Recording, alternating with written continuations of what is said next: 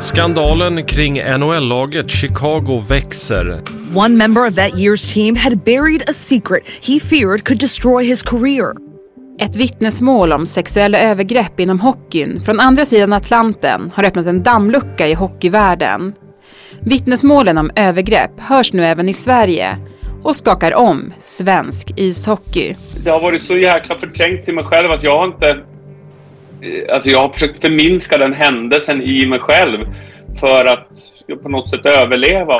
På en kvart får du veta varför machokulturen inom herrhockeyn fått pågå och vad vittnesmålen som nu hörs kommer få för konsekvenser.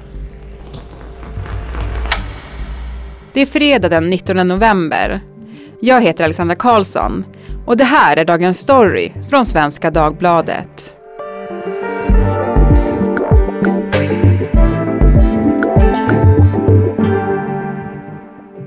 Anders Lindblad, sportkrönikör här på Svenska Dagbladet.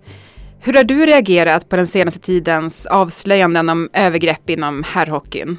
Ja, jag tror att jag som alla andra som har då hört och sett det här har blivit väldigt rörd, berörd och upprörd. Samtidigt är jag imponerad över modet som de visar som går ut och berättar om det de har varit med om.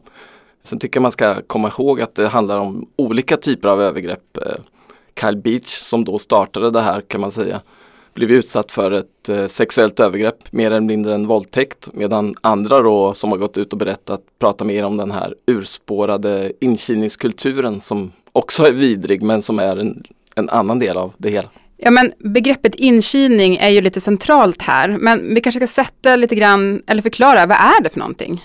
Mm.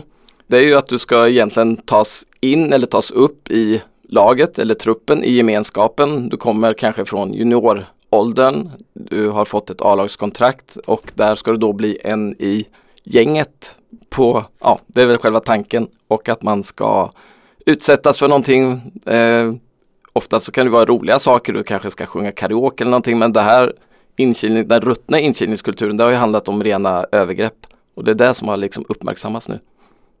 Men blev du förvånad över det som har kommit fram? Ja, både och tycker jag. Tyvärr är det inte första gången som det förekommer sexövergrepp eh, i idrottsmiljö och att det kommer upp till ytan.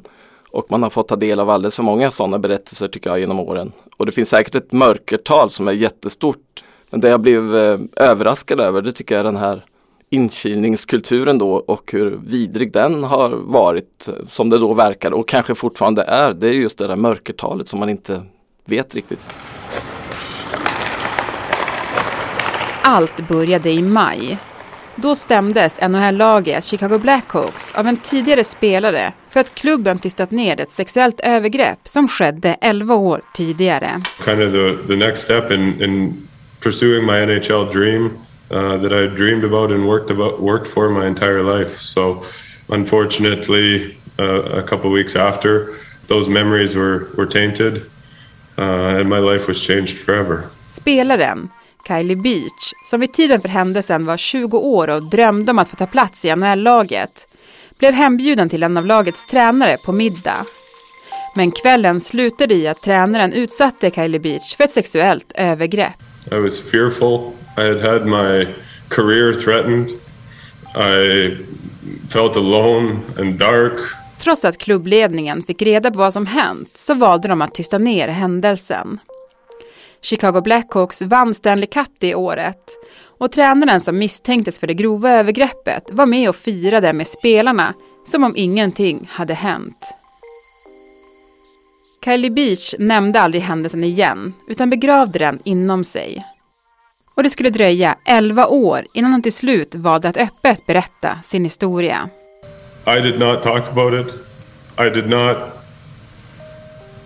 discuss it. I didn't think about it. But now that I'm beginning to heal and I look back, it, it definitely had impacts on my life. Vilka konsekvenser har Kyle Beach berättelse fått?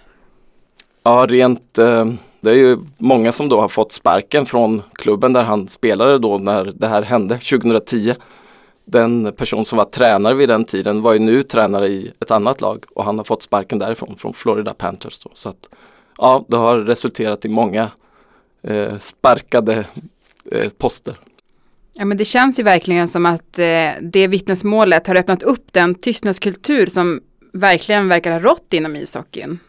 Ja, alltså det är ju märkligt just den här tystnadskulturen. Det är många som säkert går just omkring och bär på hemligheter som de inte kan berätta om eller våga berätta om. Och eh, just den kulturen handlar ju om att man ska försöka att få ihop ett lag, man ska bli en del av laget. Du ska liksom känna att du ska komma in där i det här gänget. Och just lagsporter så är det ju då speciellt att eh, man ska kilas in.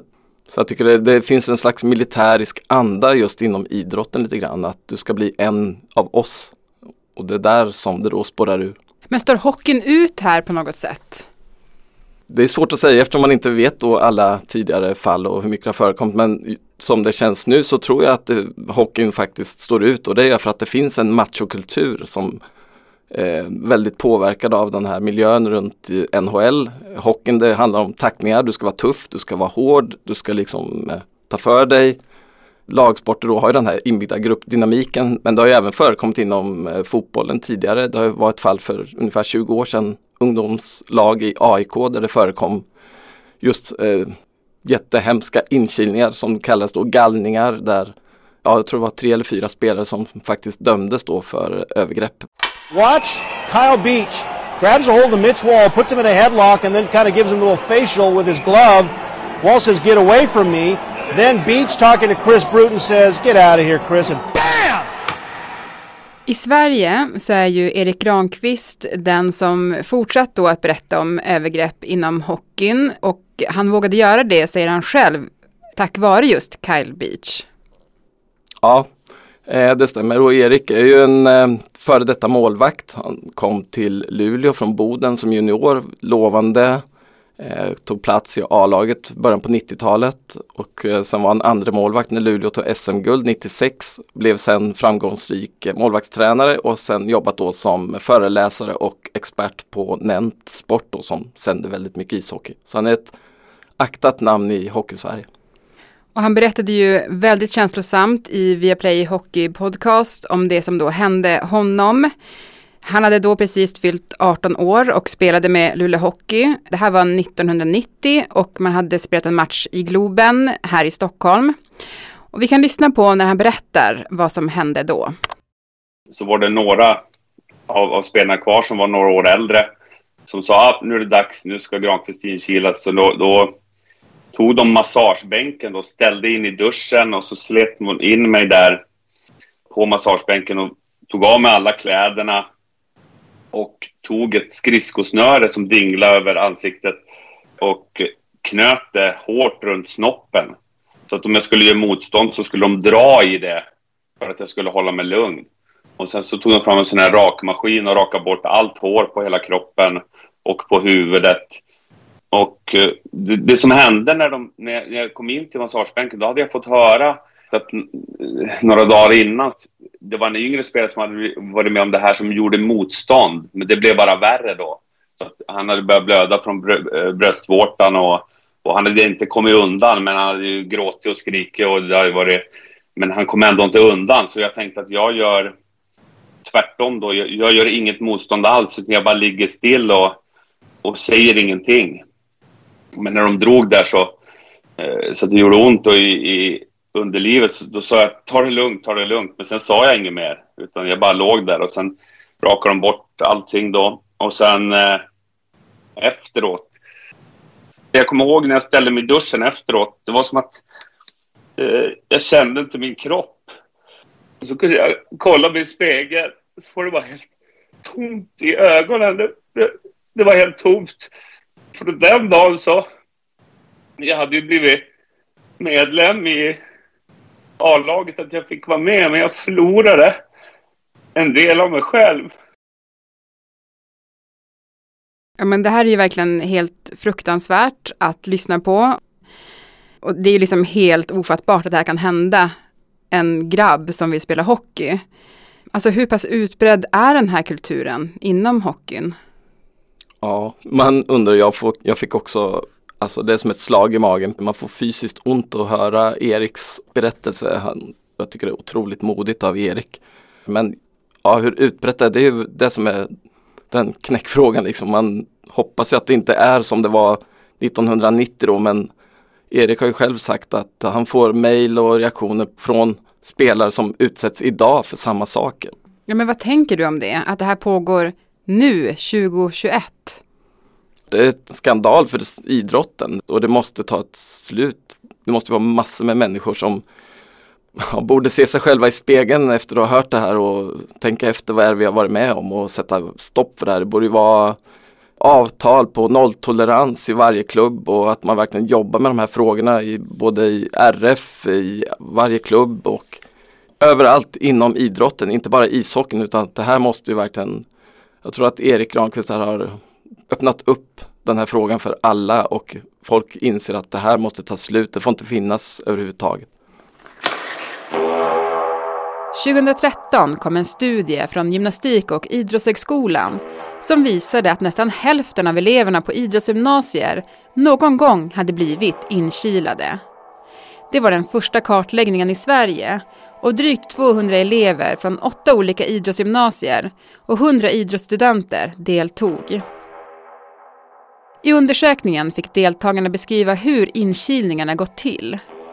Det handlade bland annat om att de tvingats klä av sig inför andra, tvångsklippning eller rakning och aktiviteter med stort alkoholintag. Det är kanske svårt att svara på, men hur kan den här kulturen ha fått växa sig så stark?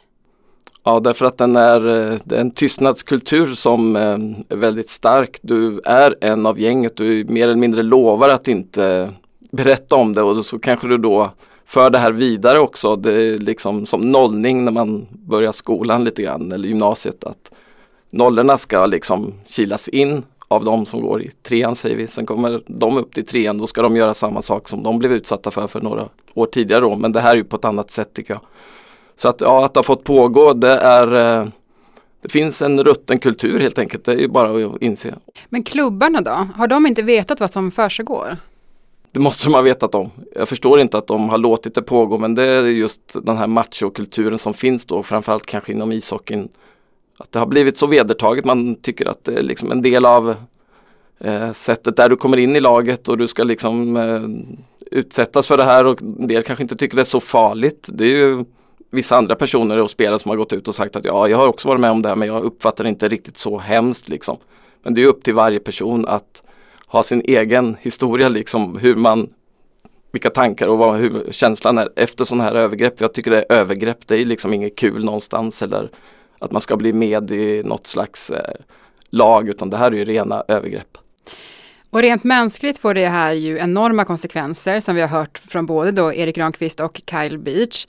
Men jag tänker även sportsligt, alltså vad tror du att den här kulturen, kan den ha fått folk att sluta för att de inte står ut och att vi så har missat massa talanger som hade kunnat liksom blomma ut eller vad, vad tror du om det?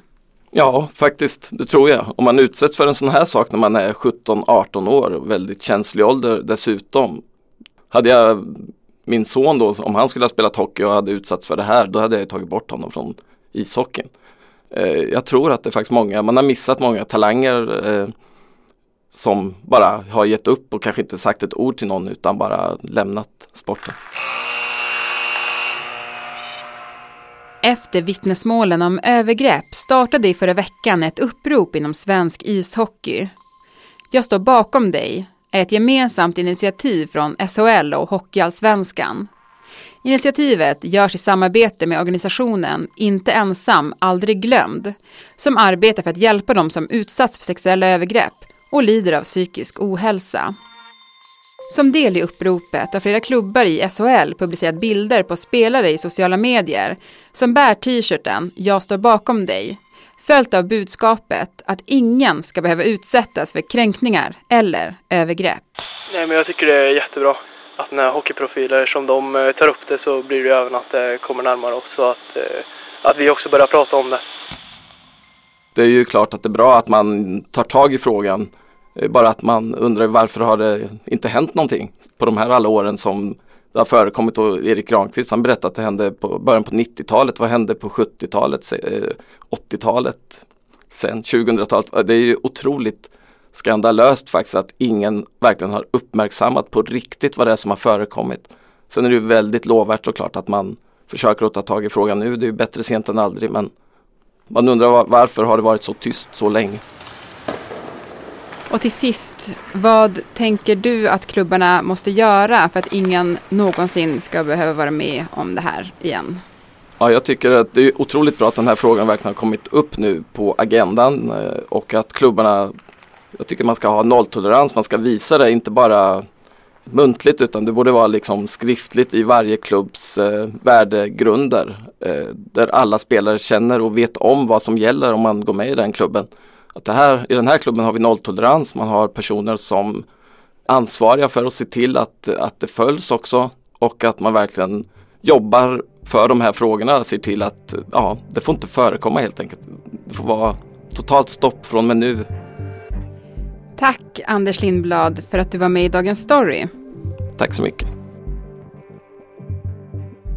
Programmet idag producerades av Daniel Persson Mora. Redaktör var Teresa Stenler von Matern. Och jag heter Alexandra Karlsson. Vill du kontakta oss så mejla till dagensstory.svd.se.